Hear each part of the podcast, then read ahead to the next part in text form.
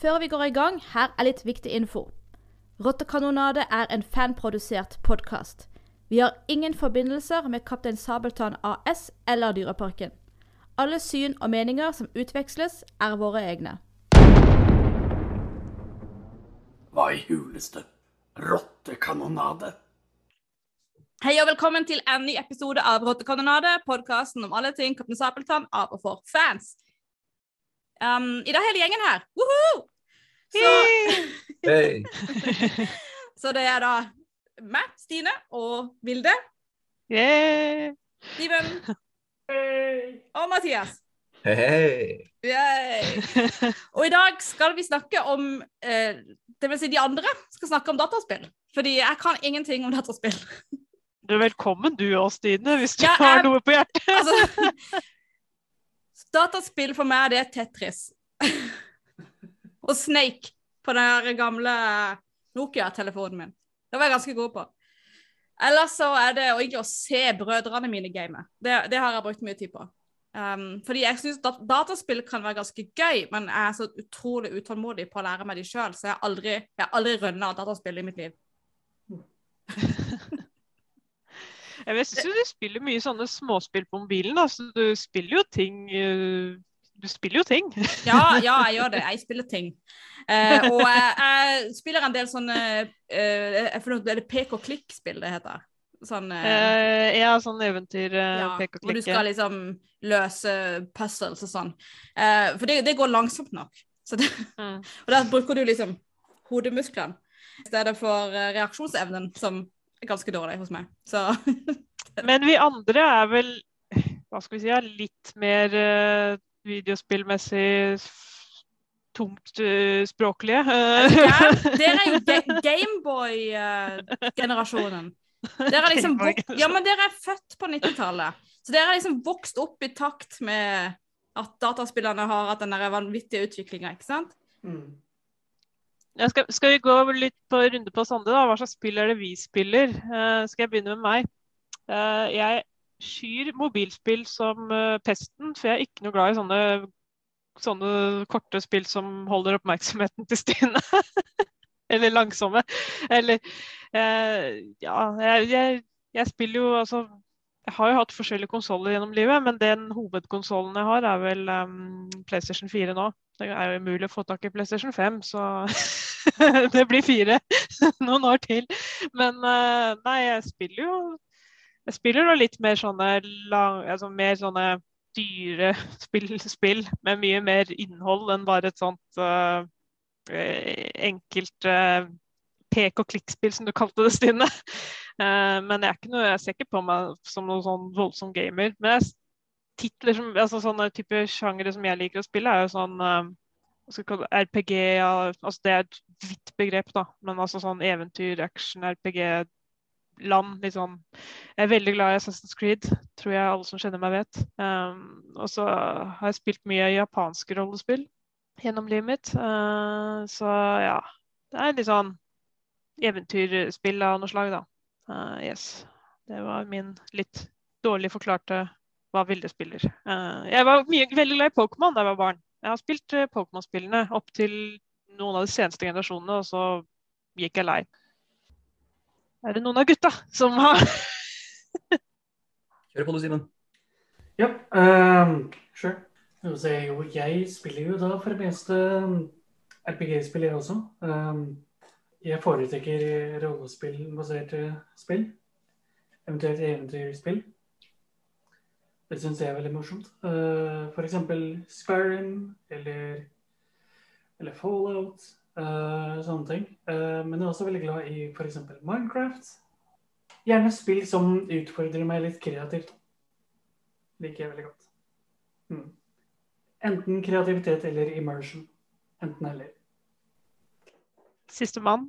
Ja da. Jeg, jeg tilslutter meg veldig den eh, immersion-delen. Jeg er også veldig fan av eh, RPG-spill, uh, sånn som f.eks. Fallout, som var vel en av de og Vega som skikkelig som fikk meg sånn skikkelig inn i, eh, i en hel verden, følte jeg. Uh, ellers er jeg også litt normie. Mye GTA og Battlefield også, bare for å liksom eh, slå løs litt tid av og til. Men, eh, men eh, veldig glad i Fallout. Også eh, et annet spill som jeg tror jeg forelsket meg helt i, var eh, Kingdom Come Deliverance. som også var et RPG-spill som var satt i middelalderens Tsjekkia. Minnes veldig om, om, Skyrim, bare at det da var helt historisk. Det likte jeg veldig. Um, så, det, så det, er, Og selvfølgelig uh, Assassin's Creed, da særlig Black Flag, er jo relevant for uh, Sabeltann, føler jeg. Og um, også Rogue var jeg veldig glad i. Men særlig de spillene også hvor man kan føle at man har litt um, Man kan velge litt selv. sånn som f.eks. Fallout, Sky, Skyrim og Kingdom Come har et aspekt av, er det det er veldig fan av. Jeg syns Assassin's Creed blir litt sånn for streamline. Eh, for at det blir favoritten. Men eh, det kan vi kanskje diskutere litt senere, hva, hvordan vi liker eh, spillene våre senere. Men, men, ja. Hvis det da ikke er veldig klart for de som hører på, så skal vi da snakke om Sabeltann-dataspill. ja. Vi har ikke plutselig blitt en spillpodkast sånn generelt. Nei, vi er en, fremdeles en Sabeltann-podkast, så vi skal snakke om dataspill satt i Sabeltanns verden. Bare så det er klart. Men uh, det er bare litt greit å få litt referanser. Forhåpentligvis så hører dere som hører på, kan mer om spillet enn meg. Nei, jeg føler jo, jeg kjenner jo igjen begrepene så, og titlene som Siven og Mathias nevner. Jeg er jo usikker med deg, Stine. Det, du gjør kanskje ikke alt det. Uh, men uh, Noe overraskende nok, fordi jeg har som sagt to brødre som gamer. Uh, og han ene er 32, og han andre er 12. Så de er hver sin generasjon gamere, til og med. Så jeg har et godt spekter. Men jeg, jeg, kan liksom de spillene de spiller. så ikke noen andre. Assassin's Creed kjenner jeg til, og, eh, og Minecraft. yes, um, skal vi prøve å få det inn på Sabeltann-sporet, da? Ja, det begynner vel sånn som jeg gjør. Uh, så får folk skyte inn når de føler for noe. Uh, for å speise opp det jeg snakker om. Uh, fordi Kaptein Sabeltann har jo hatt en altså relativt lang spillhistorie, da. Altså, jeg skrev jo ned altså Det har jo hatt noen videospill opp gjennom årene. Uh, totalt er det vel vært Skal vi se ja, Én, to, tre, fire, fem, seks, syv titler på litt over 20 år. Ja, jeg, altså Jeg kan jo ikke så mye om norsk spillindustri, kan jeg si aller første stein. Hvor mye hvor, hva som er normal produksjon der. Eh, men samtlige av disse spillene er vel norskproduserte. Eller i hvert fall eh, europeiske. Det tidligste Sabeltann-spillet som kom ut, det er, heter 'Kaptein Sabeltann og den store ildprøven'. og Det kom ut i 1997. På en sånn god, gammeldags eh er det CD-rom. kom sikkert i en sånn svær, firkantet tappboks, som de gjerne gjorde den gangen, kanskje. Eh, alt jeg sitter igjen med her nå, som dere som mine medpodkastere ser, er jo den lille disken. da, I et vanlig sånn Discover. Den systemkrav er Windows 95. ja. Den krevde 16 MB ram. Er 256 farger 8-bit. Ja. Jeg har aldri spilt det spillet, men du finner, eh, du finner videoer av det på YouTube. da. Eh, så det er et veldig sånt eh, Jeg vil tenke at mange barn av 90-tallet kjenner igjen sånne. Det er sånn bitgrafikk, og så er det gjerne sånne baner hvor liksom sånne minispill. Det består egentlig av minispill. Du skal liksom vise at du er verdig å være kjørever, så du blir liksom utsatt for en rekke prøver. da. Så det er liksom storylinen i det spillet der, da. Liten morsom fact der er jo at jeg, jeg, jeg, bare så gjennom det der Jeg har sett hele, sett hele spillet bli spilt gjennom før, men jeg bare fant kjapt sånn der gjennomspilling nå, og da så jeg det er jo sånn, Vi snakket om det gang at det, det er en papegøye i det spillet som er liksom din hjelper. En grønn papegøye. Uh, som var sånn hmm, uh, Er det liksom uh, slektningen til uh, papegøyen Turid fra animasjonsfilmen? det er sånn Eller er det Turid? Ja, det, jeg tror den mangler et bein, og så er den litt tykk, og så røyker den sigar, uh, den papegøyen. Så OK. Det er turen etter en hard breakup eller noe sånt. Ja. Dette er et gammelt spill, det merker man. Så det er vel det spillet. Du spiller liksom som deg selv, da, eller som en gutteskikkelse. Det er ikke Pinky, det er ingen bestemt. Uh, og du møter, og det vel, uh, gikk vel opp for meg når jeg så på gjennomspillinga dette må jo være første tilfelle hvor Kaptein Sabeltann er animert. For de har jo, anim, de har jo animerte i sånn bittegrafikk. da. Så det må være første tilfelle hvor han liksom er animert. Så interessant greie, det. Så uh, kom det to andre spill som ble produsert av de samme folka. Så jeg har sånn inntrykk av at dette er to spill som mange gjerne blander litt. Uh, Den første het bare 'Kaptein Sabeltann'. Det er veldig behjelpelig. Den kom i 2004, og den heter jo 'Kaptein Sabeltann' fordi den er basert på tegnefilmen fra 2003. Så den følger egentlig det plottet. Og hva skal, dette er vel et Nå har vi hoppet litt fra minispillkompilasjon, på en måte. Nå er det blitt eh, litt mer sånn eventyr eh, Nesten litt sånn antydning til rollespillaktig, men ikke helt. Eh, minner meg kanskje litt om en sånn ekstremt enkel versjon av en del av disse det legger, Jeg klarer jo ikke å snakke engelsk. De, de Zelda-spillene minner meg litt, bitte litt om den i måten det er på, men bare i ekstremt enkel form. da. Du spiller Pinky, og du skal være med på den der eh, storylinen til filmen, rett og slett. da. Finner skatter og samler mynter og oppgraderer, eh, kjøper gjenstander du trenger for å komme deg videre og sånn. Um, og det ble da kom da i 2004. Og så, i 2007, så kom det en oppfølger som het eh, 'Kaptein Sabeltann og grusomme Gabriels forbannelse'. Det ligner veldig, for de har jo tydeligvis brukt mye av de samme assetsene, eller noe sånt, vil jeg tro. Eh, det er samme type sjanger, på en måte, eller samme Du spiller Pinky, som liksom utforsker denne verdenen og samler mynter og får kaptein Sabeltann og hans mannskap videre på toktet. Men dette er en egen original historie kun for dette spillet. Så uh, dette Jeg kan jo allerede si dette er min favoritt av alle spillene, men det kan vi komme tilbake til. Historien her er jo at de faktisk finner Grusomme Gabriels skatt, dvs. Si en annen Grusomme Gabriels skatt eller noe sånt. Og så kommer det da en forbannelse ut av dette som uh, Mm. Kan jeg bare skyte inn en ting der? Ja. Eh, De finner eh, ikke Gabriels skatt slik de hadde håpet. De finner nemlig Gabriels eh, hvilested. ja, ja, det er det de gjør. Og på det hvilestedet så hviler en forbannelse.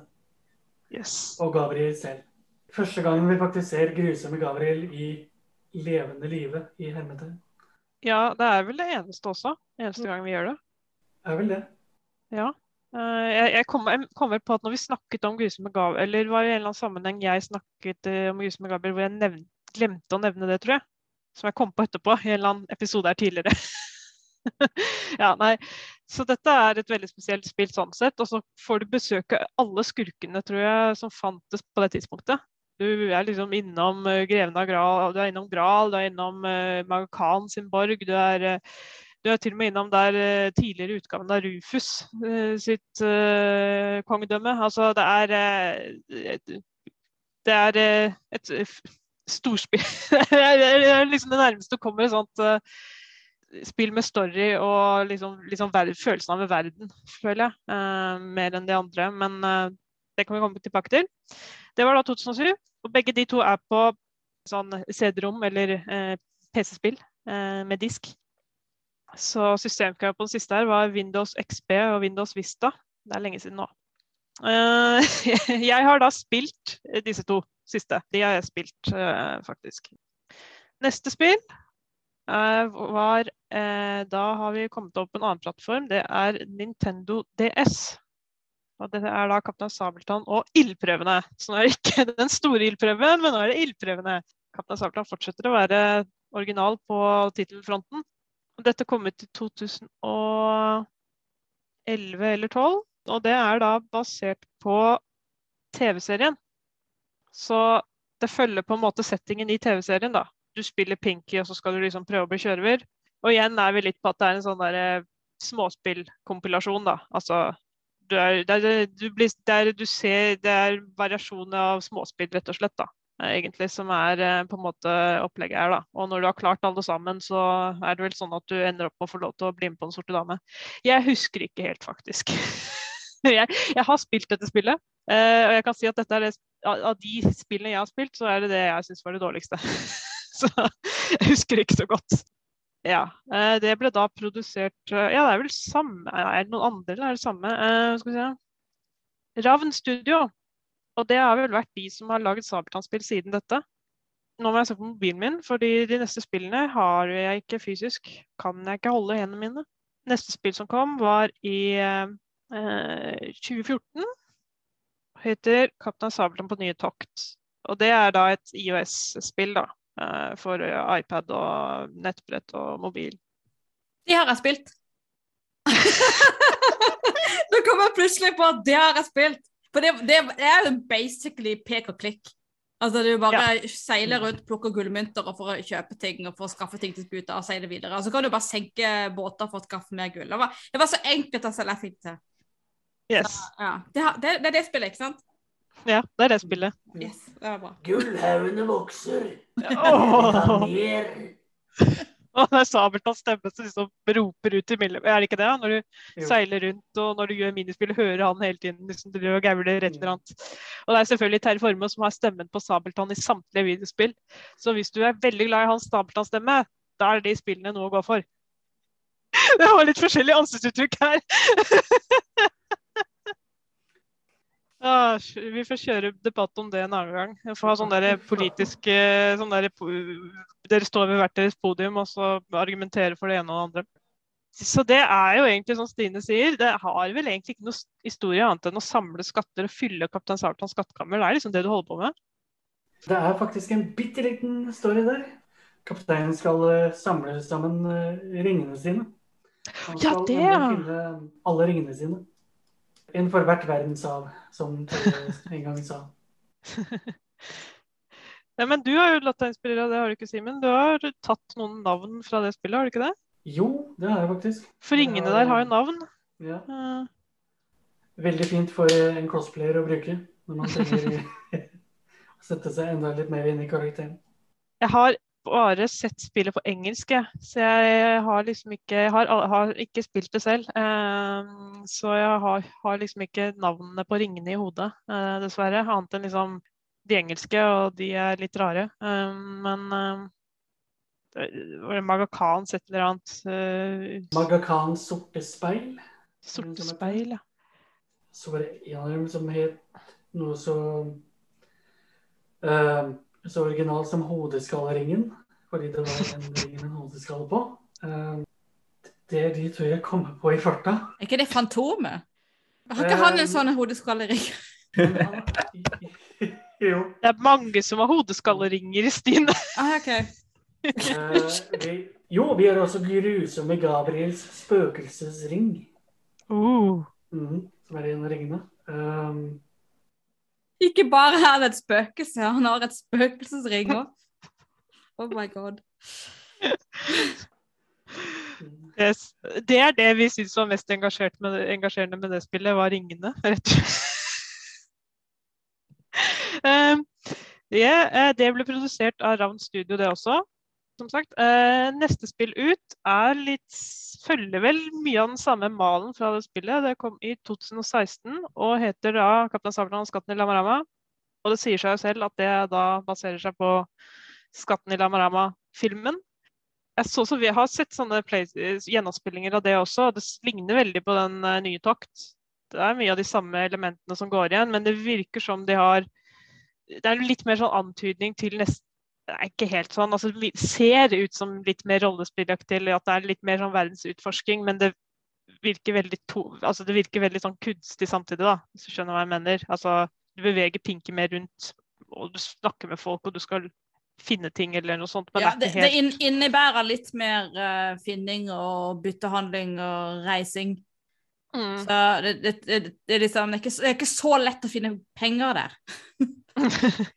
Det, for, du dette det har jeg nemlig også vært borti. ser du. det jeg, jeg, du verden, jeg har jo faktisk spilt det. Eh, men, men dette er det da på grunn av min, uh, min eh, yngste bror, da. Fordi Mm. han hadde det på sin iPad. Så det, det er derfor jeg husker det. Når jeg gjorde researchen, så oppdaget jeg et mener jeg har sett det før, jeg bare hadde helt glemt det. At hvis du noen gang har hatt lyst til å se hele det der Lama Rama-kartet Altså det beste du kan få av et bilde av det kartet de har i Lama Rama-filmen, så er det det du finner i spillet der. Det er, de har noe sånn animert sekvens hvor kartet åpnes og brettes ut. Og de har sånn det ser ut for mine øyne, så har de brukt det faktiske filmkartet. Det er bare ganske dårlig oppløsning, men det er det kartet. Så jeg ble helt sånn, jeg hadde helt glemt det, for jeg har jo sett det før. Jeg bare helt glemt det, så så det nå igjen. så bare, Eh, wow. de av dere der ute som har eh, altså the powers that be der ute Vi er villige til å betale gode penger for et sånt kart. Hvis dere har lyst til å reprodusere det og selge det, liksom. Bare sånn, bare, sånn, Ja, bare så dere vet det.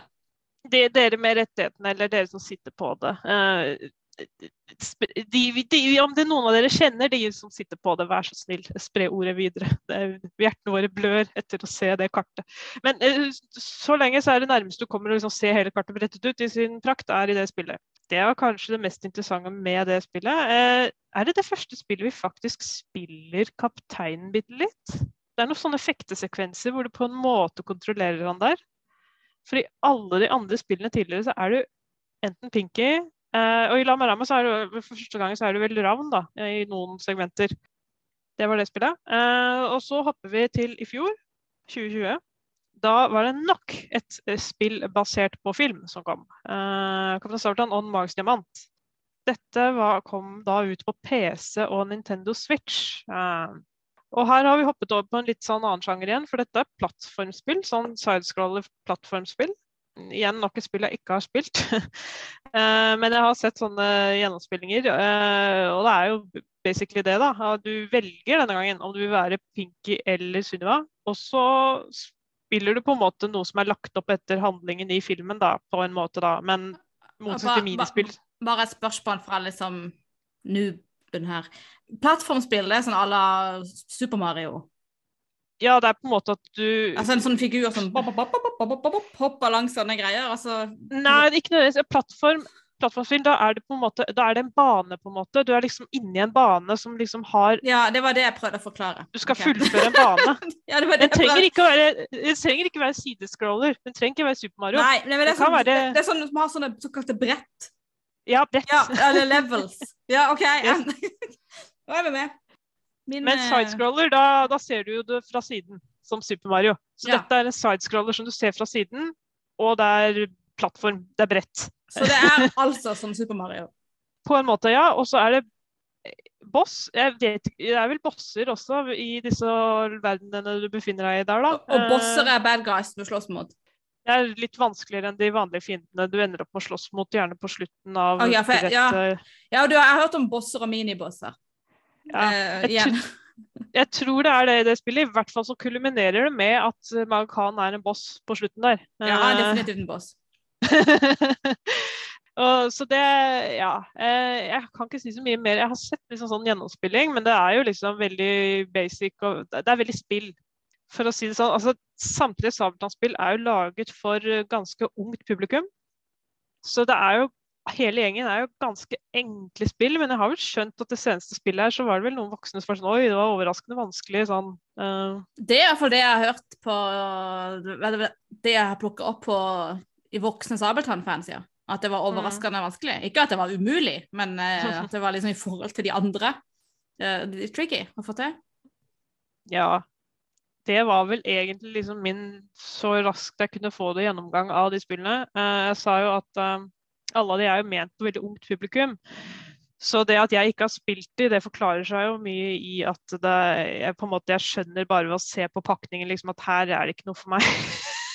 Men Eh, men det er, det er, jo selvsagt også det at mange legger ut sånn gjennomspillinger på YouTube, og sånn, så da får jeg jo sett det ikke sant, istedenfor å bruke timevis på å drive og spille gjennom det og så ikke få noe særlig ut av det. Bare for å se noen ringer og et kart. Ja, det er ganske enkle. Men jeg har vel inntrykk av at flere, altså alle har vel egentlig fått gode anmeldelser i sin tid uh, av media og sånn når de kom ut. Uh, så de, har ikke, de er ikke nødvendigvis sett på som sånne Jeg har vel inntrykk av at de barna som har spilt, de har stort sett vært fornøyd, da. Det er litt vanskelig å gjette seg på det der, da, for jeg kjenner jo ikke så mange barn egentlig som har vokst opp med det.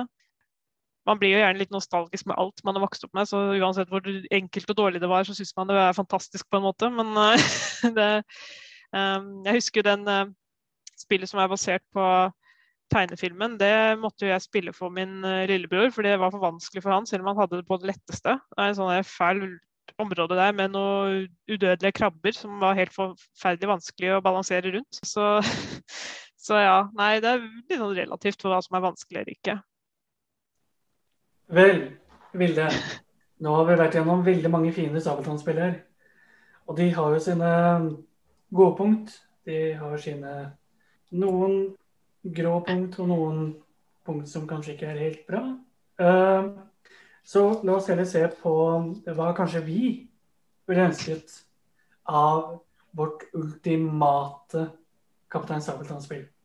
Ja, Ja, nei, eh, eh, Stine har jo tidligere beskrevet bøk, Sabeltann-bøkene litt som eh, hva er det? da? Eh, svigerbarna, nei, eh, stebarna i Sabeltann-universet.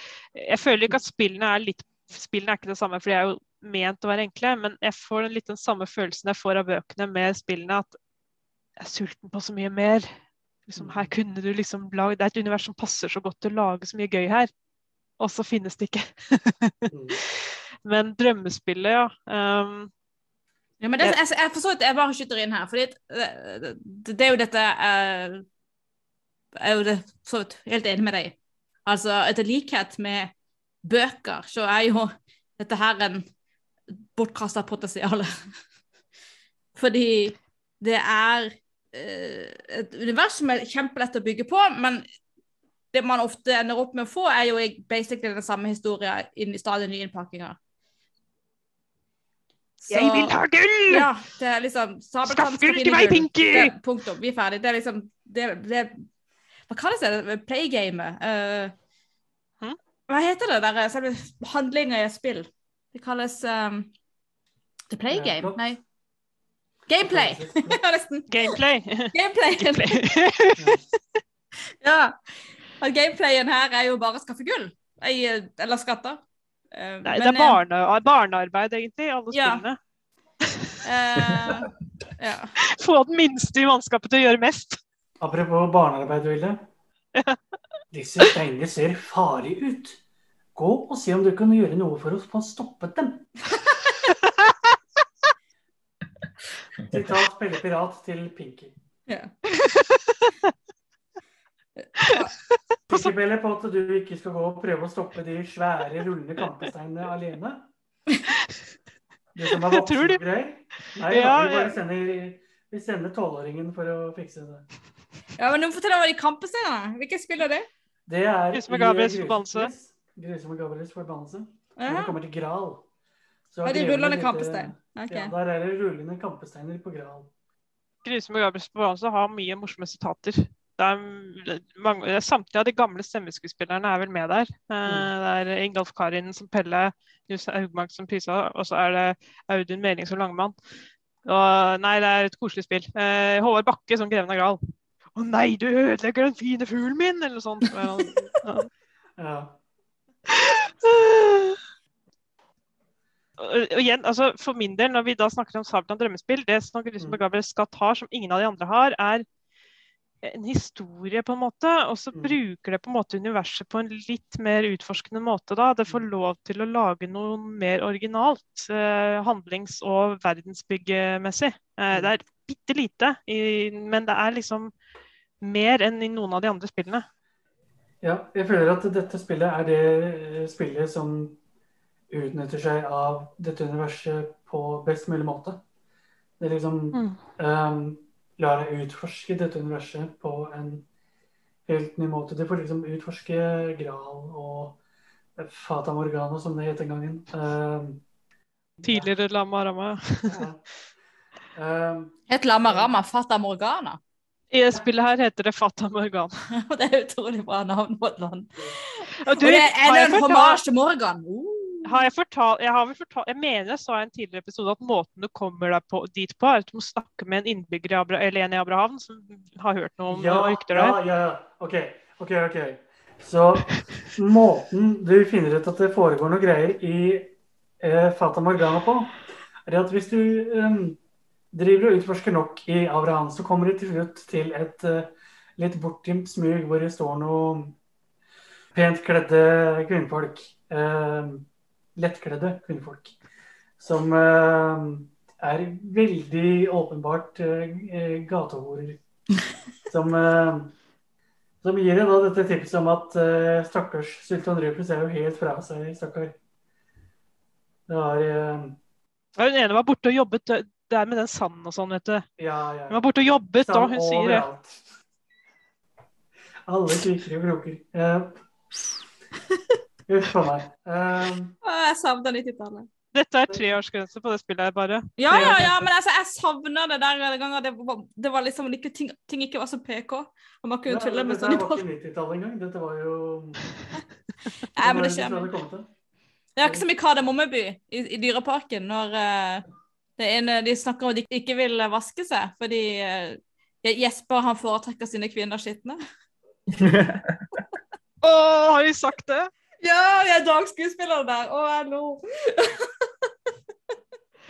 Ja, men det er ikke subtilt i det spillet her, da. Når du Nei. går forbi dem, så sier jo, sier jo alltid en av damene hver gang du går forbi dem, leter etter noe vennen. Mm. Så ja. Det er det. Ja. Men, Men men så er det også, er det, også et litt morsomt spill, da. For det de klarer liksom å få antydninger til små scener. Det er en sånn opplegg der hvor du jakter på noen kaker for å komme deg forbi noen vakter. De vil ha kaker i, i betaling, rett og slett, for å slippe deg inn. Um, og da går du på jakt etter kaker, ikke sant. Og nei, det er bare det er, det er morsomt spill. Eh, så hvis jeg skal snakke om mitt Sabeltann drømmespill, så skulle jeg ønske at eh, så er det et viktig element er at det klarer å ha en sånn verden som føles litt mer ut som en verden, og at det er mm, historier inni der. Eh, og på en måte at det, du føler en Du føler du er med på et eventyr, på en Mm. måte. Mm. du, Um, hvis jeg skal få lov til å begynne, altså jeg som ikke gamer, kan jeg få begynne med mitt drømmespill. Mm. Fordi uh, et av mine favorittspill som jeg ikke har spilt, men sitter og sett på, uh, det er eh, Mass Effect, som uh, broren min spilte. Og det begynner jo med at du skal bygge deg et team. Altså du må rekruttere folk til et team. Mm. Uh, det er så ikke sånn spesifikt du får beskjed om å gå ut og lage team, men uh, gameplayet gjør at du liksom møter folk som da blir en del av gjengen din, banden din, ja. Og uh, Sabeltann er jo et ypperlig utgangspunkt til det, ikke sant? Hva hvis det første du skulle gjøre, hvis du skulle være Sabeltann for en gangs skyld, ikke Pinky, og det første du skulle gjøre er å rekruttere Langemann, så og da kunne du satt det i, um, i, liksom i, i forhistorien, på en måte. Mhm. Og så kunne du fått backstory. Altså, jeg, jeg, jeg har jo så, Dette er jo det jeg har lekt med i mine fanfictions. Mm. Og veldig mye, mange av mine fanfictions kunne egentlig ikke få skryte, men det kunne egentlig bli ganske bra gameplay. Fordi at det er liksom små missions etter hverandre som bygger en større historie. Og kanskje spesielt den historien som jeg kalte for 'Når jeg, jeg en gang faller'. Som eh, er basically historien om hvordan uh, Sabeltann Langemann møttes, og det første brekket. Brekk. Plyndringa, innbruddet de gjorde sammen. First Quest. First Quest! Thank you! Yes, vi kunne kalt det for det. Du blir med på den reisen hvor du liksom oppgraderer deg underveis. Eh, jeg Nettopp, får- for de skaffer jo til og med en ny båt, eller litt skip, i den fanfiction. Så de bytter jo ut eh, Saragossa med Den sorte dame i løpet av historien.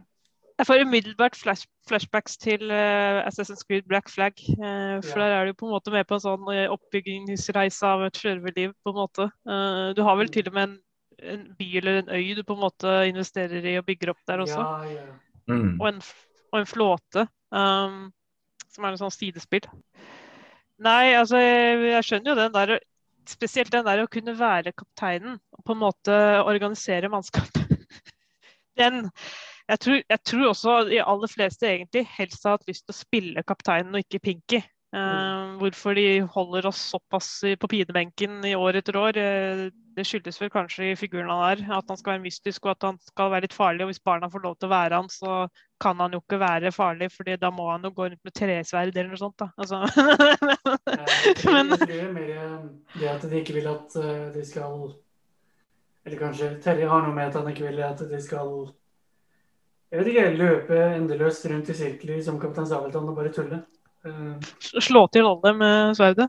Uh, ja, nei, jeg ser jo den, men altså, selvfølgelig et must i et Sabeltann-spill ville jo vært den der å uh, være han, eller også være de andre i mannskapet, på en måte. At du kan være flere figurer.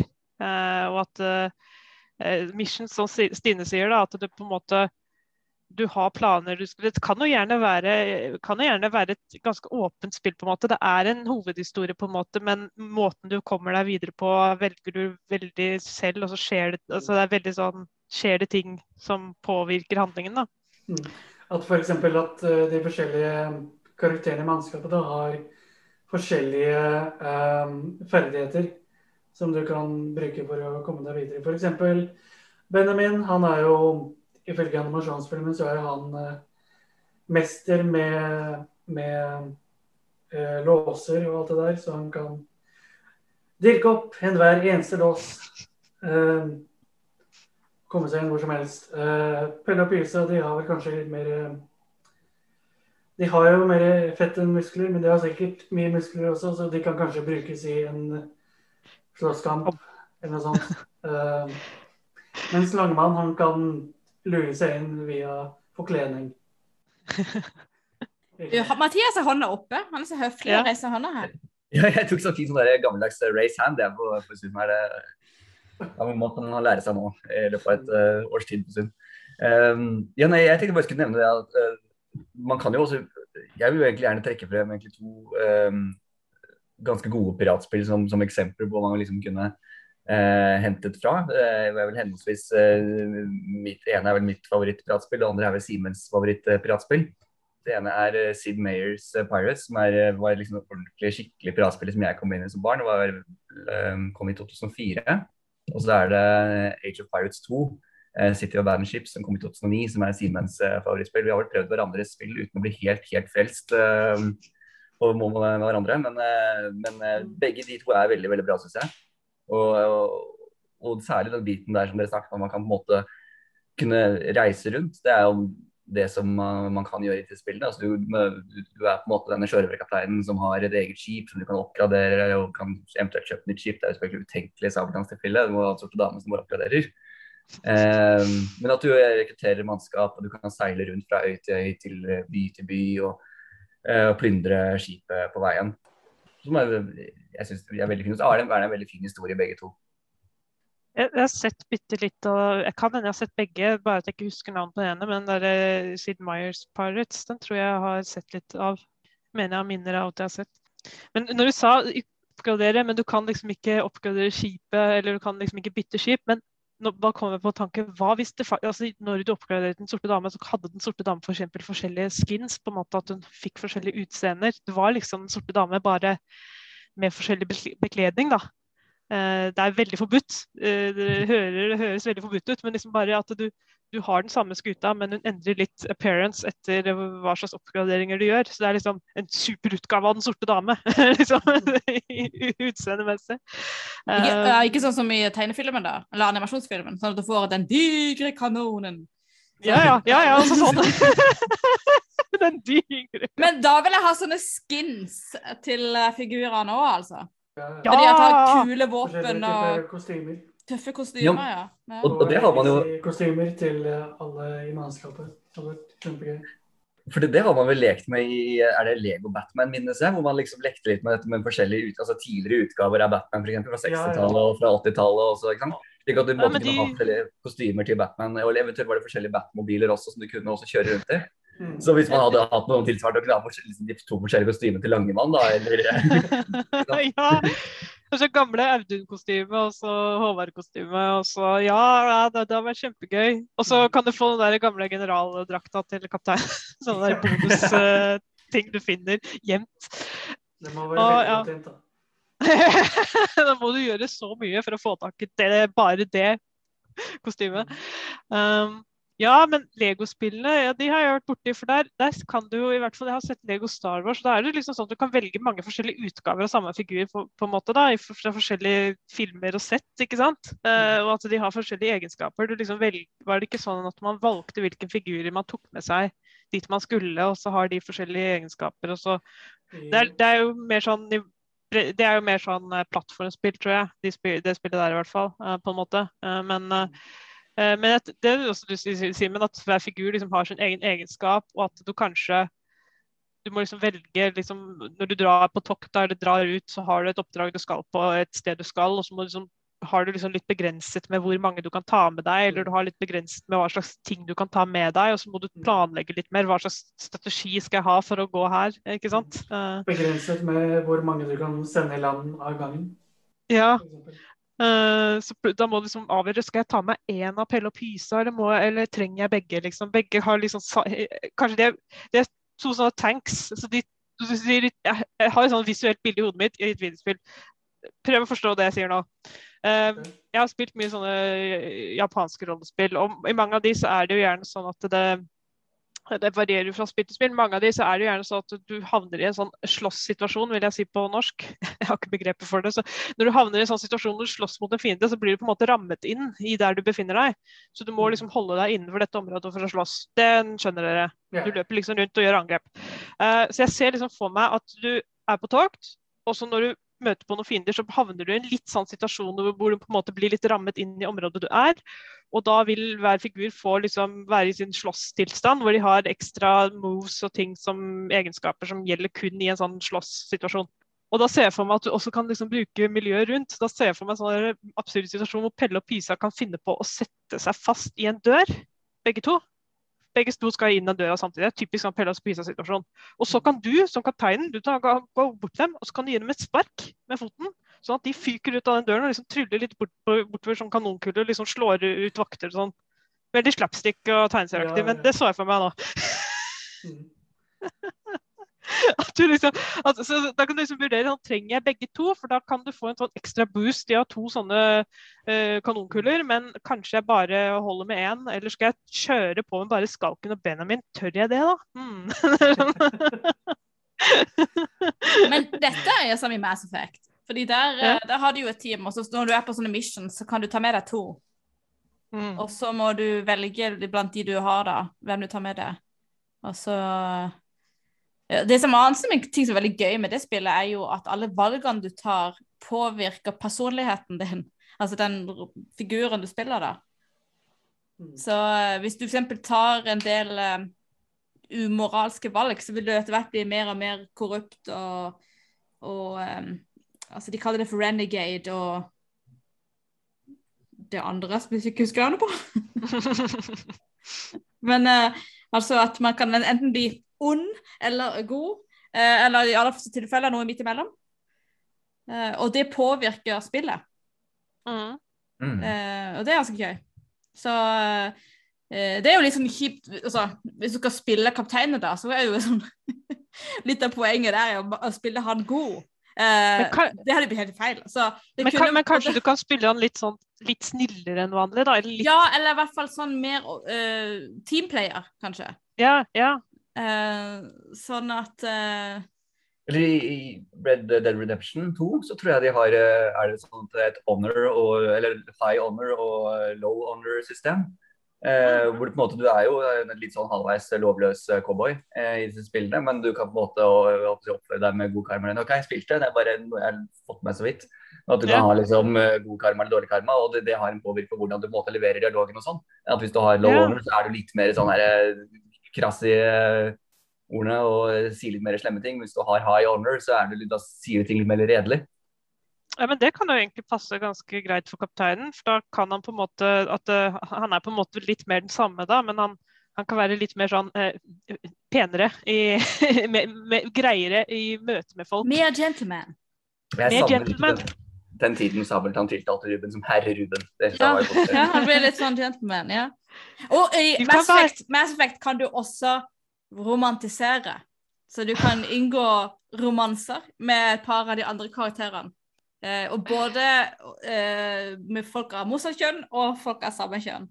Så gjett hvem som hadde lagd masse romantisering mellom Sabeltann og Lagermann hvis hun hadde ha spilt et sånt spill.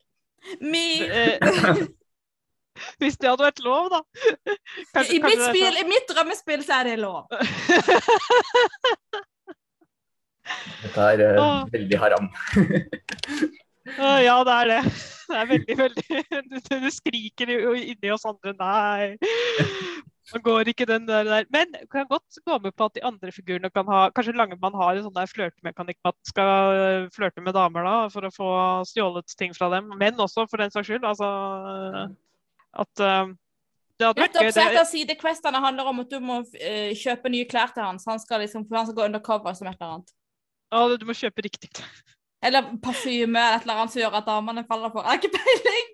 Men altså, det er sånn å spille liker, liksom løse for å løse den store mission A, så må du gjøre lille mission A og lille mission B, så blir det til lille mission C, til D, bla, bla, bla, bla, og så må du tilbake igjen for å løse det store oppdraget. Ikke sant? Sånn, sånn, sånn Det spiller er sånn spiller jeg vil ha òg. um, nei, men jeg absolutt det der at, liksom, at uh, på en måte dialogen og handlingen og scener som forekommer, eh, varierer litt etter hvordan du har fått figurene til å oppføre seg mot hverandre. Da. Så hvis du har kjørt en veldig vennlig kaptein, eller du har klart å få til det, da, så kanskje du får uh, du noen ting og tang som du ellers ikke ville gjort hvis han bare var sinna og sur hele veien. Uh, og så kanskje, kanskje når du får sånn eh, dialogvalg, så kanskje du kan se liksom se antydninger til det dialogvalget du kunne ha fått hvis du hadde klart å liksom Jeg ser for meg en, ting, en mekanikk jeg syns er veldig morsom fra det DS-spillet, som jeg ikke likte, eh, er eh, kaptein Sabeltanns raseribarometer. Jeg ser for meg en sånn mekanikk med at når du spiller, hvis, du, hvis kapteinen på en måte er hovedfiguren, da, altså du kan være de andre, men du, han er på en måte lederen da, som du alltid kommer tilbake til og på en måte må være med gjennom mellomrom, på en måte, eh, så har han en sånt raseribarometer, på en måte, da, så hvis det er veldig høyt, kanskje han blir skikkelig han blir skikkelig sterk, da, så han kan slå ting lett og liksom vinne lett, men han blir litt mer sånn ukontrollerbar. så det har liksom både pluss og minuser. Men når han blir skikkelig sinna, så klarer han ikke være så hyggelig. Så da mister du muligheten til å ha de gode dialogene. Da. Så, du, så hvis du vil få til det, så må du klare å slåss og gjøre oppdrag på en sånn måte at du holder raseribarometeret hans på riktig punkt. Skjønner dere hva jeg mener? Ja. Det, det hadde vært gøy. Don't piss off the captain. Ja, han blir så sinna til slutt at du kan ikke velge hva han sier. Han bare vræler ut, nesten banner. Liksom, du, får ikke, du får ikke velge til slutt hvis du ikke er noe god på det der. Sånn, Game over. Nei, det, det, det hadde jeg syntes at Altså raseribarometer eh, av noe slag, da. Eh, det hadde vært litt gøy. Og en annen ting jeg kom på da, er jo han kan lukte gull.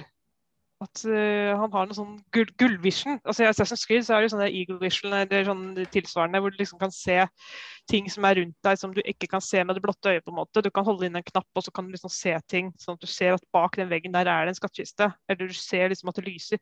At det har noe sånn gull-sniffe-vision, sånn at han liksom kan se spor etter eh, noe skatt. Sniffe-vision! Ikke med det høres ut som en sånn dophue.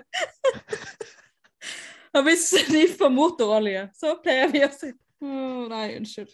Ja, men jeg ser hva du mener. I, i en del av de der eh, pek og klikk-spillerne, så, så er det sånn Mm. at, eh, at du, eh, du kan gå i to, to sånne modes. Og du trenger Mm. begge to for å finne alle clouene. Yes. Ja, nei, så det hadde jeg syntes hadde vært litt gøy, da. Um, med kapteinen, da.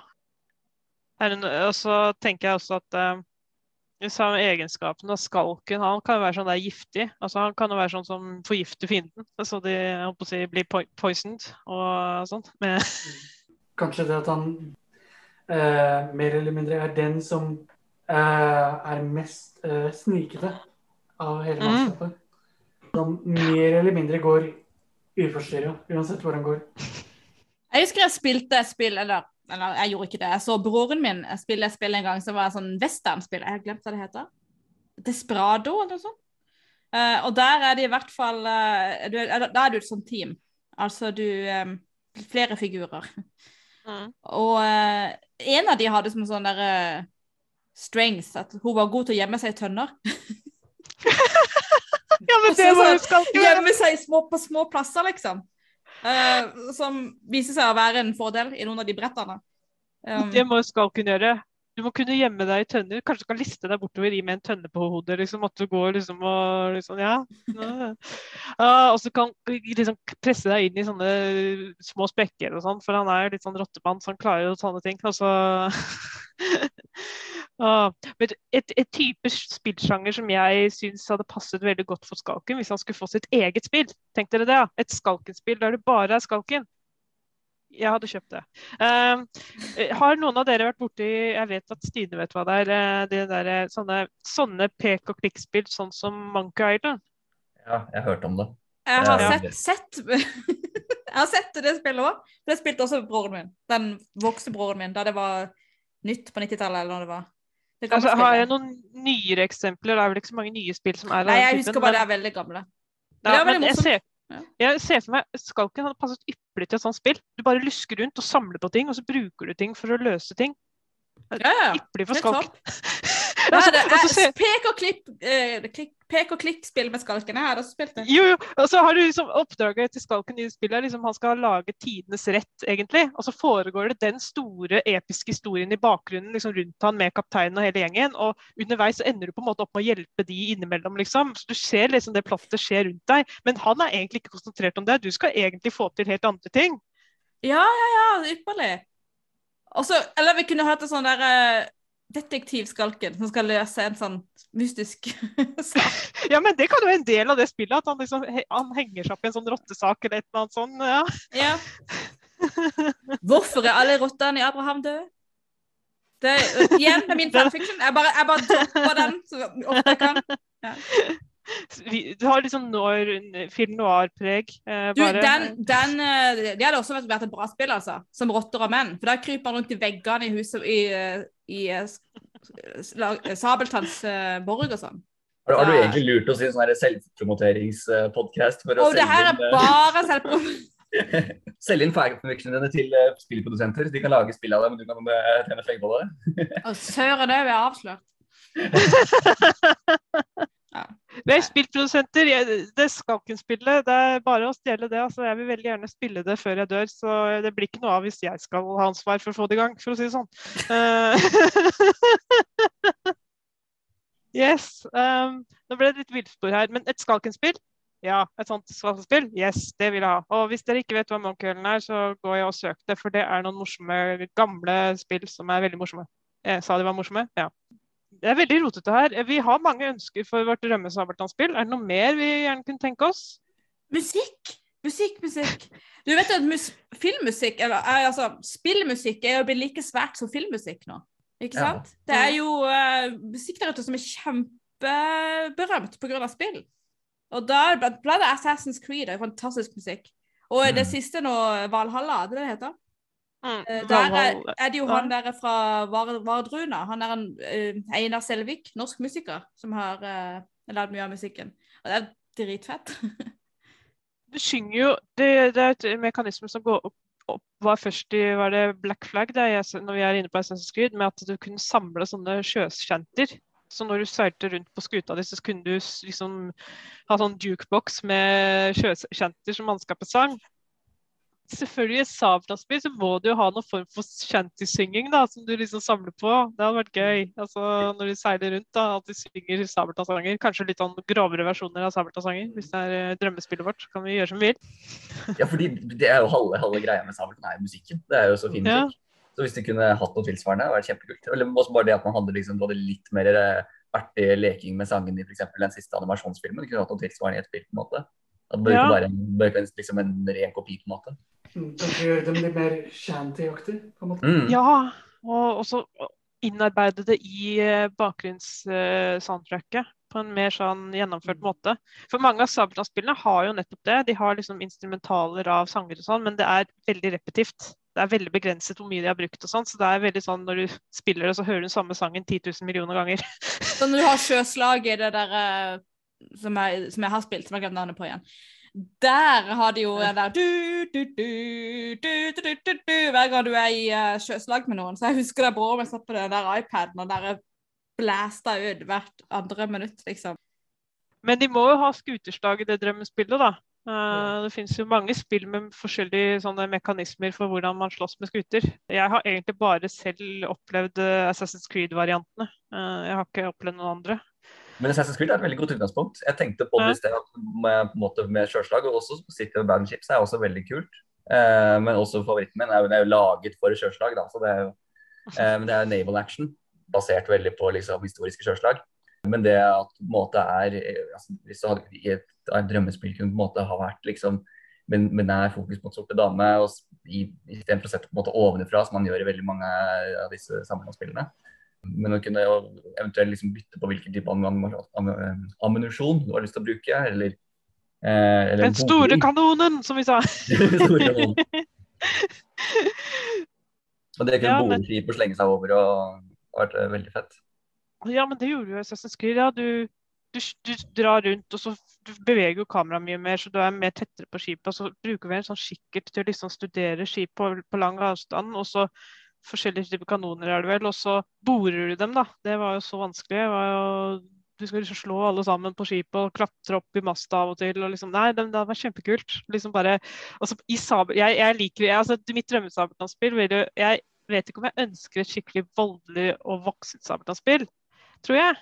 Men jeg ønsker noe som, voks, som har mer voksenhumor og mer voksenmørke, da, som, og mer voksen kompleksitet i spillmekanikken. Men bare se for deg sånn der sabeltann-kapring. Altså kapring à la sabeltann, liksom. Med all den humoren og gimmicken de kunne liksom hatt rundt det der, ikke sant. Skal du redde Pølle og Pysa som havner i en eller annen klemme eller et eller annet sånt, da. Liksom. Jeg liker sånne moralske dilemmaer. Ja. Og, og det er det jo noen spill. Og nå, nå drar jeg inn Mass Effect igjen, men i Mass Effect første spill så er det en scene hvor du er nødt til å velge mellom to av eh, crewet ditt. Og den du velger vekk, den dør da. Så du kan ikke bruke det med resten av spillet. Eh, ja, men da må vi jo innføre en figur som bare er laget for å potensielt kunne dø, da. Vi kan ikke ta Ja, livet av noen av en red. En red shirt, som vi kaller de eh, i Star Trek. eh. Nei eh, Didrik. det, Måtte vi det? Didrik. Hva, hva, hva sa du? Didrik. Og så er det bare Her er man skal Didrik, hvem er Didrik? Hvorfor skal vi ha med Didrik? Og så litt senere spiller Å, det er derfor vi skal ha med Didrik. Benjamin sier det. Det er sånn breaking the fourth wall i spillet. Å, oh, er det er derfor derfor er Didrik var det!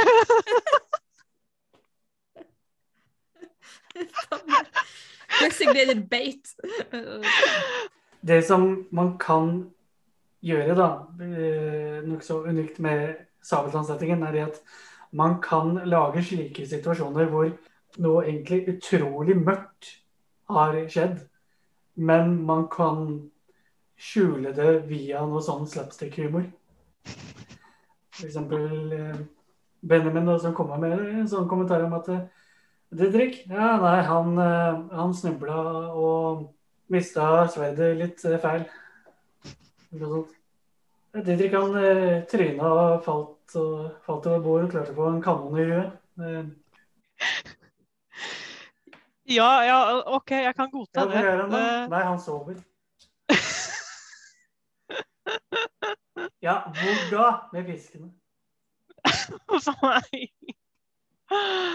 Men det høres ut som Benjamin, det er enig i. Mm. Ja, det gjør det. Jeg, jeg, jeg, altså han får liksom ikke fingeren, får ikke sagt det, men med sånn ørten. Hva slags, eh, hva slags hovedplott hadde vært gøy? Liksom, er det noen skurk eller noe sånt som hadde vært gøy? Ville, hvilken skurk ville dere sett, eller eh, hvordan skulle det liksom vært?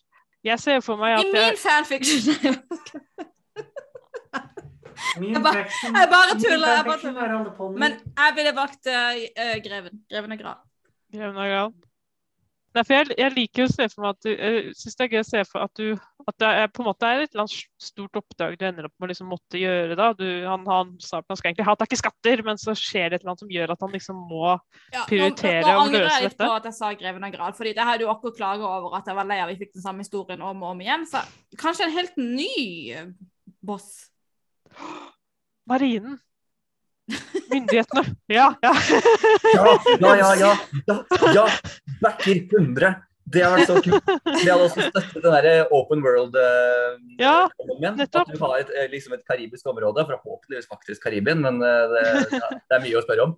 Men at også har, du har Abra, Syndiland, og du har uh, marmeladen i nærheten, kanskje. Eller, ikke sant? Men, men da eventuelt at marinen som seiler rundt, og du skal ta ut disse skipene, og du skal eventuelt ta ut liksom, hovedfestningen deres eller et eller annet til slutt. på en måte, og ja men det hadde Kanskje du må samle andre pirater un under, under der, liksom, for å kjempe ikke- felles kamp ikke- mot det er ikke kapteinen nødvendigvis helt villig til å gjøre i starten. liksom. Det blir, litt sånn, eh, det blir en litt sånn eh, jobb for han å liksom få til det her. Og der hjelper det å ha tatt de riktige valgene gjennom spillet, og blitt en mer omgjengelig høflig person, om ikke snill. Så det er litt av poenget, ja. At han må være litt mer sånn samarbeidsmiddel Man med of folk honor. han, ja, med folk han egentlig ikke liker fordi de har en større fiende.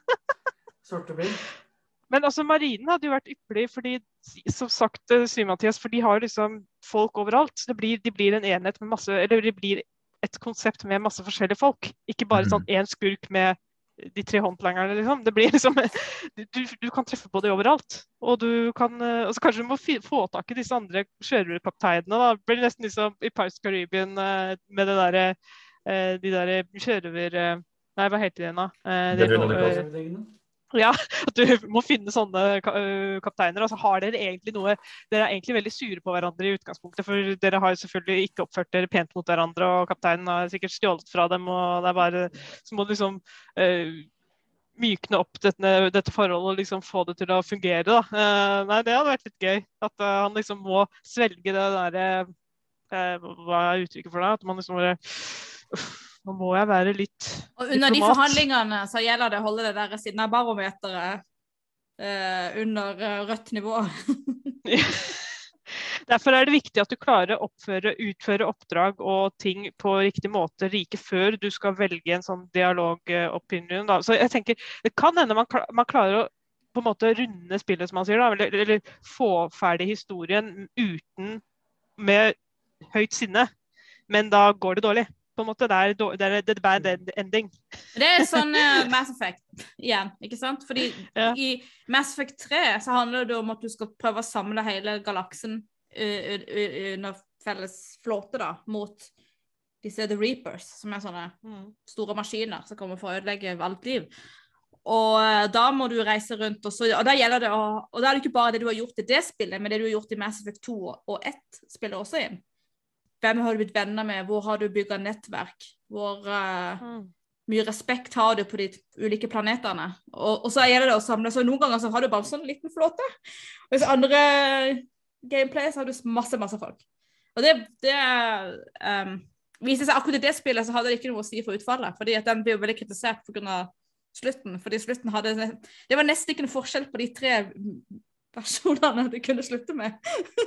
så folk føler seg veldig snytt. Eh, men det er en helt annen historie.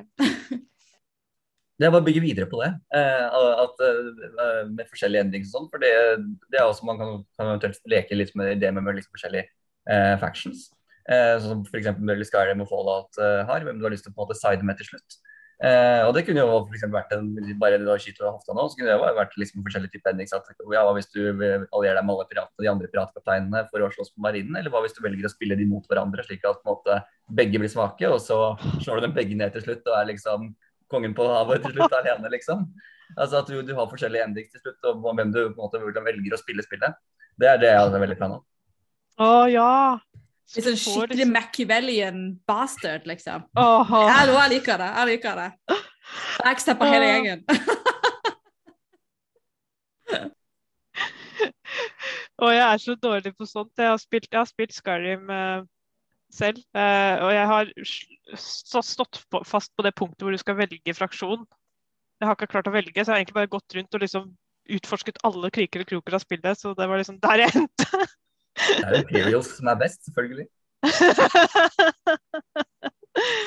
og da, kanskje du kan, til og med kan samarbeide med marinen også. Det blir jo også et alternativ. Du klarer å få en, slags med å de godtar at du eksisterer alene hvis alle de andre piratene blir satt bak lås og slå. en korrupt uh, sjef inni der, vet du. Uh, eller. Uh, eller sikkert ikke det engang. og jeg må bare se for meg alle de morsomme karakterene du vil treffe, og alle de forskjellige skutene. Det kan være litt sånn fantasifullt og litt sånn cartoony også. altså Litt sånn overdrevet på en måte da. og alle de morsomme scenene og situasjonene som skjer. Og du må ha med flere i teamet ditt enn bare mannskapet. Miriam, f.eks. Hun kan jo være en som du får med på teamet ditt, da, som har magiske krefter. da. Uh, kanskje, kanskje Kanskje til og med Ruben. ja, ja, jeg skal si det. Ruben, helt topp. Som en sånn der uh, innsidemann på land. kanskje få samarbeide med han på et eller annet tidspunkt, ja. Og um, ditch barna. Blås i barna! For en gangs skyld, sett de i bak lekegrinen lekegrinden og la de være der.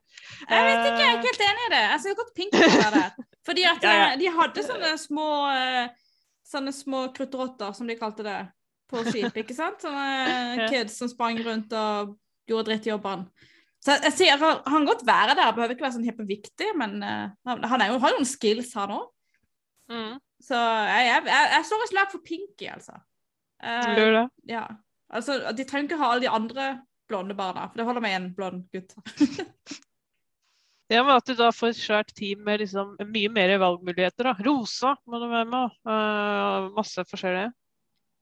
Altså, ja, nei, altså, Man kan jo blande de klassiske skurkene inn her òg. At de på en måte står et eller annet sted når det gjelder marinen eller de andre sjørøverne. ikke sant? Eh, at eh, Hvis de er der, da. At du liksom Kanskje må innom Damarama. Kanskje du treffer på Rufus igjen. Han er sånn, eh, han velger vel ikke noen politisk side, han, så eh, det er vel bare fest og moro. Men uh, kanskje han er en buffer da? Et sånt fristed. ja, ja, ja, men altså, det er gøy med sånne side, side quests som ikke er quests. Altså, sånn, det, kan du, det, det drar inn Mass Effect igjen. Det er det jeg kan. Men der, der kan du ha sånne parties. Du bare kan liksom holde fest. Og liksom alle bare menger og drikker seg driting sammen. Og det er liksom, det er liksom, det, er ikke denne handlinga, det er bare en sånn Det er med på å se og, Altså, du får sånn eh, poeng med teamet ditt hvis du gjør det. Fordi det er med på å knytte Ja. sosiale bånd. Du er kapteinen, og du står og liksom blir tvunget til å måtte danse på Rufus fest. Ja, ikke sant? Eh, Langemann er full, og, eller de andre er litt sånn eh, brisende og liksom ja, 'Kom igjen da, cap'n!' Nei. Å, og så har jeg en sånn igjen, Dette er tanker jeg har hatt lenge, da, men i et sabeltannspill så vil vel kanskje basen din da være Abrahavn. Altså det vil være skuten, og så vil det være Abrahavn, da. Så du må kanskje innom Abrahavn mell mell mellomrom for å gjøre litt mer eh, komplekse planlegging eller et eller annet sånt. da. Og da kan du jo være inni borgen din alene. Utforske den, alle rommene der. Uh, og så så jeg for meg at, uh, har jeg sett for meg at tenk hvis det er sånn minispill som på en måte går ut på at kapteinen må løse et mysterium inni sin egen borg. Han finner en nøkkel som han ikke aner hvor skulle til, eller et eller annet. At han liksom, I den svære ensomheten i borgen, liksom, du må gå rom for rom, og du er helt sånn der, eh, altså, at du liksom får den litt sånn psykologiske opplevelsen av å liksom være veldig alene i dette svære, mørke området. Eh, liksom, jeg vet ikke om dere er helt med på den litt sånn eh, For jeg- det er jo et, noen av de Sabeltann-spillene der du har, er Pinky inne i Kaptein Sabeltanns borg, men det er jo helt sånn, det er ganske annerledes enn det du ser for deg. For du, liksom, du går rundt i gangene der, så hører du kapteinen sånn Roper han gjennom gangene. Men uh, ja, nei. Uh, men uh, at du liksom er kapteinen som liksom i sitt eget selskap må liksom løse et sånt mysterium, og så finner han et rom han ikke ante var i borgen. og så et eller annet sånt, altså, fordi han vet jo ikke hvem som bygde borgen sin. altså Mange sånne minispill, lag på lag med sånne mini-stories og sånne sidequests som uh, finner her og der, da, som ikke nødvendigvis har med hovedplottet å gjøre. OK, så vi har noen fine tanker her eh, om hva vi gjerne skulle ønske. Så eh, si da at dette spillet på mirakuløst vis ble annonsert. Hvilke, for eksempel, hvilke plattformer skulle vi da aller helst ha hatt dette spillet på? Alle. Det, det jeg virker som at, at kanskje den plattformen det vi er midt på, er vel PC og typ sånn Xbox PlayStation-type. Det er der liksom de store RPG-ene på en måte finnes. Definitivt. Eh, Så um, Det blir spill for gamere, på en måte. Mm. Ja, Uh, så var det, det er i det hele tatt mulig å få noe som ligner på det. Altså, sånn, Nå tenker jeg ikke nødvendigvis altså, at det er voksent, på en måte, men at, at det er nesten sånn komplekst. At man går an å få et sånt øh, Hadde det vært liksom lønnsomt i det hele tatt? Eh, hadde det vært teknisk mulig, tror dere? kan norske spillutviklere lage et sånt, lage et sånt spill? For det er inntrykk av at um, de aller fleste typer spillene som laget på den måten, er jo eh, amerikanske. Selv om jeg Ja. minner faktisk kanskje Kingdom Come var, var det tsjekkisk eller polsk eller noe sånt i utgangspunktet. Uh, og det var vel også um, eh, Cyberpunk eh, 2077 var vel også polsk, tror jeg. Ja, Selv det er ikke det samme som er bak det der Witcher-spillet? Ja, jo, jo, selvfølgelig. Ja, ja, ja. Ja. Uh, som jeg har planer om å spille, som bare ligger og støver ned. Men jeg har tenkt å spille det en dag. Men, uh, men ja. Um, nei, altså det er, jo, det er jo forbløffende mange ting som er produsert i Norge. Når man liksom gjør researchen, så finner man jo andre ting enn bare barnespill. Så altså det, det, er jo mulig, da. Men altså, i et sånt storspill da skal du liksom ha stemmeskuespill og cutscenes. og det skal liksom være mer sånne altså, En typisk ting for sånn Sabeltann-spill er jo at de har ikke noen cutscenes i, i det hele tatt, med mindre de bruker rett ut filmscener, liksom. Uh, det er veldig sånn banalt og strippet ned for alt mulig. Ja, så Vi snakker om et uh, sinnssykt budsjett, i hvert fall. Ja, for vi vil, vi vil, jo, vi vil jo ville ha stemmene Ja, vi vil jo ha alle de stemmene. Ja, vi ønsker å Kyrre som kapteinen, for eksempel. Og så er det store store spørsmålet, kanskje det mest avgjørende spørsmålet, er vel hvorvidt det er, er det marked for det? Er det lønnsomt? Er det, Nei, det, det, er jo det var det jeg skulle si. fordi at å markedsføre noe til Sabeltann som har mer enn tolvårsgrense, det er sånn Nei, jeg tror ikke det. Fordi at, at eh, det er klart at vi, vi er liksom de 100 aktive medlemmene av Vokse Sabeltann. Vi, vi er 2000 medlemmer i den gruppa. Jeg vil si vi er kanskje 100 aktive. ikke sant? De, de hadde kjøpt det, kanskje. Men det er jo liksom ingen som ville ha kjøpt det til ungene sine. Og jeg tror veldig mye av det som Sabeltann tjener penger på, det er jo voksne som kjøper ting til barn. Ikke barn som bruker sine egne penger. Så Så ikke noe over tolv, altså? Ja, jeg tror ikke egentlig for den over syv heller. altså. Lamarama hadde jo det problemet. Men eh, jeg nevnte jo tidligere her de Zelda-spillene. Eh, Nintendo. Jeg vet ikke om noen av dere har vært borti de. Det er grense på. Ja, men eh, barn under tolv spiller sånne spill. Og jeg husker jo da jeg var åtte-syv, så var jo det en av de spillene jeg virkelig Ja, men nå snakker vi hva de er markedsført til. De er markedsført, altså sånn, de har bare tolvårsgrense fordi de har en del vold. Ja, men, og hvis men, du skal ha det, det, drømmespillet du snakker om, det innebærer jo bl.a. dreping. Og hvis du skal ja, ha dreping i hvilken som helst form, så får du tolvårsgrense. Ja, men det trenger ikke ha dreping, da. Det trenger jo ikke ha dreping. Det kan jo ha litt sånn cartoon i at liksom når fienden blir slått, så blir det bare sånne fugler over hodet. Eller de ja, da er det ikke lenger mitt drømmespill, i hvert fall. Så mitt, mitt drømmespill hadde ikke vært mulig.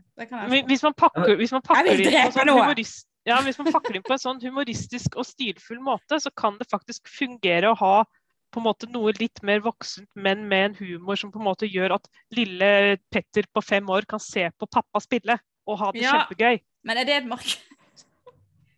Det er mitt marked. Det er mitt så, drømmemarked. Ja. Jeg tror faktisk at det Hadde det vært såpass gjennomført som vi håper at det kunne vært, så tror jeg det faktisk hadde vært en genuin interesse for det.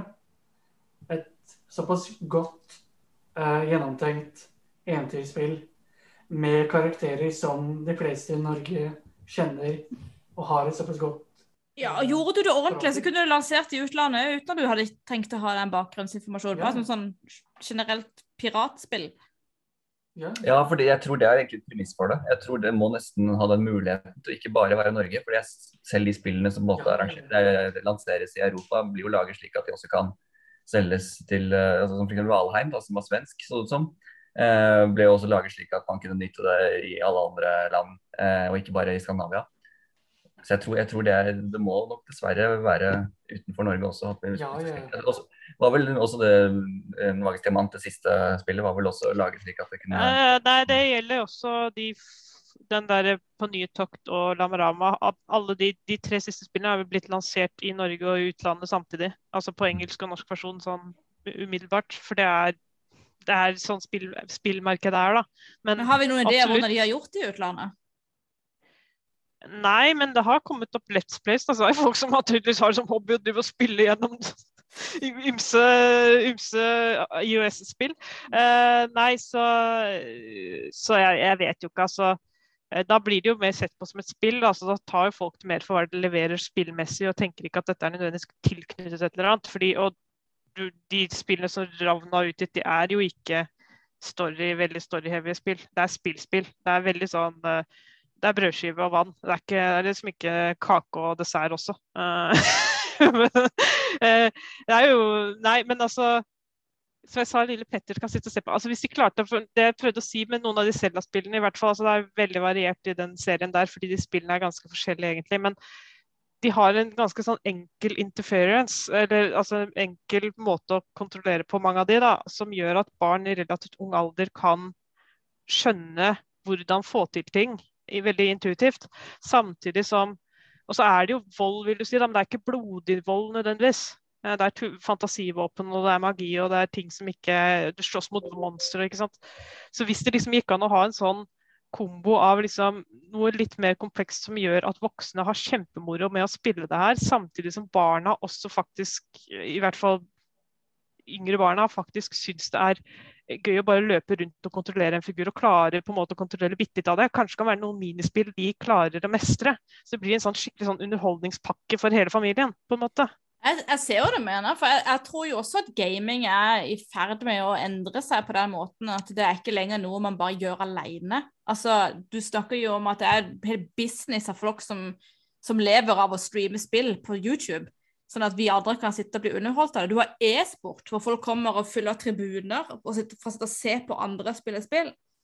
Så det er klart at det er jo ikke lenger bare en sånn eh, enmannshobby på en måte. Jeg synes jo jeg, Sånn jeg blir interessert på spillet, er å se på andre spille, Fordi jeg blir fortapt i historien. Jeg har på en måte en slags film du er med på å bestemme handlinga i. da. Ja, men gøy. det, jeg har jo også opplevd spill på den måten. Det har vel vi aller fleste. Jeg ser jo på folk som spiller spill jeg aldri kommer til å spille. Og hva er det da? Det er felles opplevelse på tvers av generasjoner. Er ikke det selve greia i Sabeltann, da? Ja. Jo, Jeg syns vi kom på en konklusjon her, jeg. Det er absolutt mulig, og vi ønsker det. Åh. Nei, men altså, minstekravet er å få et Altså kravet, jeg kan ikke kalle det et krav, men altså Hvis du skal ha, sitte igjen med ett ønske, så er det å ha et spill med en historie som ikke er fortalt før. Altså, jeg kan, jeg kan strekke meg dit. En ny, original historie i Mm. spillform. Og, og da mener jeg hvis, hvis, liksom, hvis det skal være også håp for at det på en måte også kunne slå an, så i, i utlandet for eksempel, så må jo også historien være god nok at den kan bære seg selv. At du må ikke være avhengig av på en måte å ha så veldig mye forkunnskap om sabeltann for å kunne liksom sette deg godt inn i det. For det, det fins nok av spill som på en måte balanseres, blir kjempesuksessfulle med en helt egen historie Mm. eh, som folk kommer inn i. Og hvis sabeltann, et sabeltannspill på den måten her har den evnen, så er, og er, har den dybden, så hadde det vært, uh, kunne det vært uh, tilstrekkelig og kult. Mm. Det er en mørk, stormfull kveld i uh, Kustadviga, hvor det plutselig kakker på vinduet til Pinky. Så er det Langemann som er der og sier 'Jeg kan ikke finne kapteinen'. Du er nødt til å hjelpe meg å finne kapteinen. Da! Og så go, off we go. Ah. Ah, det blir trist, for det, det jeg har lyst til å gjøre nå, er å skru, varme opp PlayStationet og sette meg ned og spille det drømmespillet. Og så er det ikke der. jeg, jeg tror rett og slett vi uh, Vi må innse at mye av disse drømmene forblir en drøm. Eh, men det er lov å drømme, og det er veldig gøy å drømme sammen med dere. Det må jeg si. Men jeg tror vi skal tenke på å runde av. Så um, tusen takk for uh, praten. Altså, det var et bilde av oss mens vi er her alle sammen. Nice. Ah, OK. Ok, men da ses vi igjen om 14 dager. Eh, Jeg kan igjen ikke si hva det skal handle om, fordi uh, her blir ting litt til underveis. Men uh, inntil da, god seilas. God Koseras! Jeg bare vinker til, men du må snakke! Den er podkast! God Jo hoi! Jo hoi!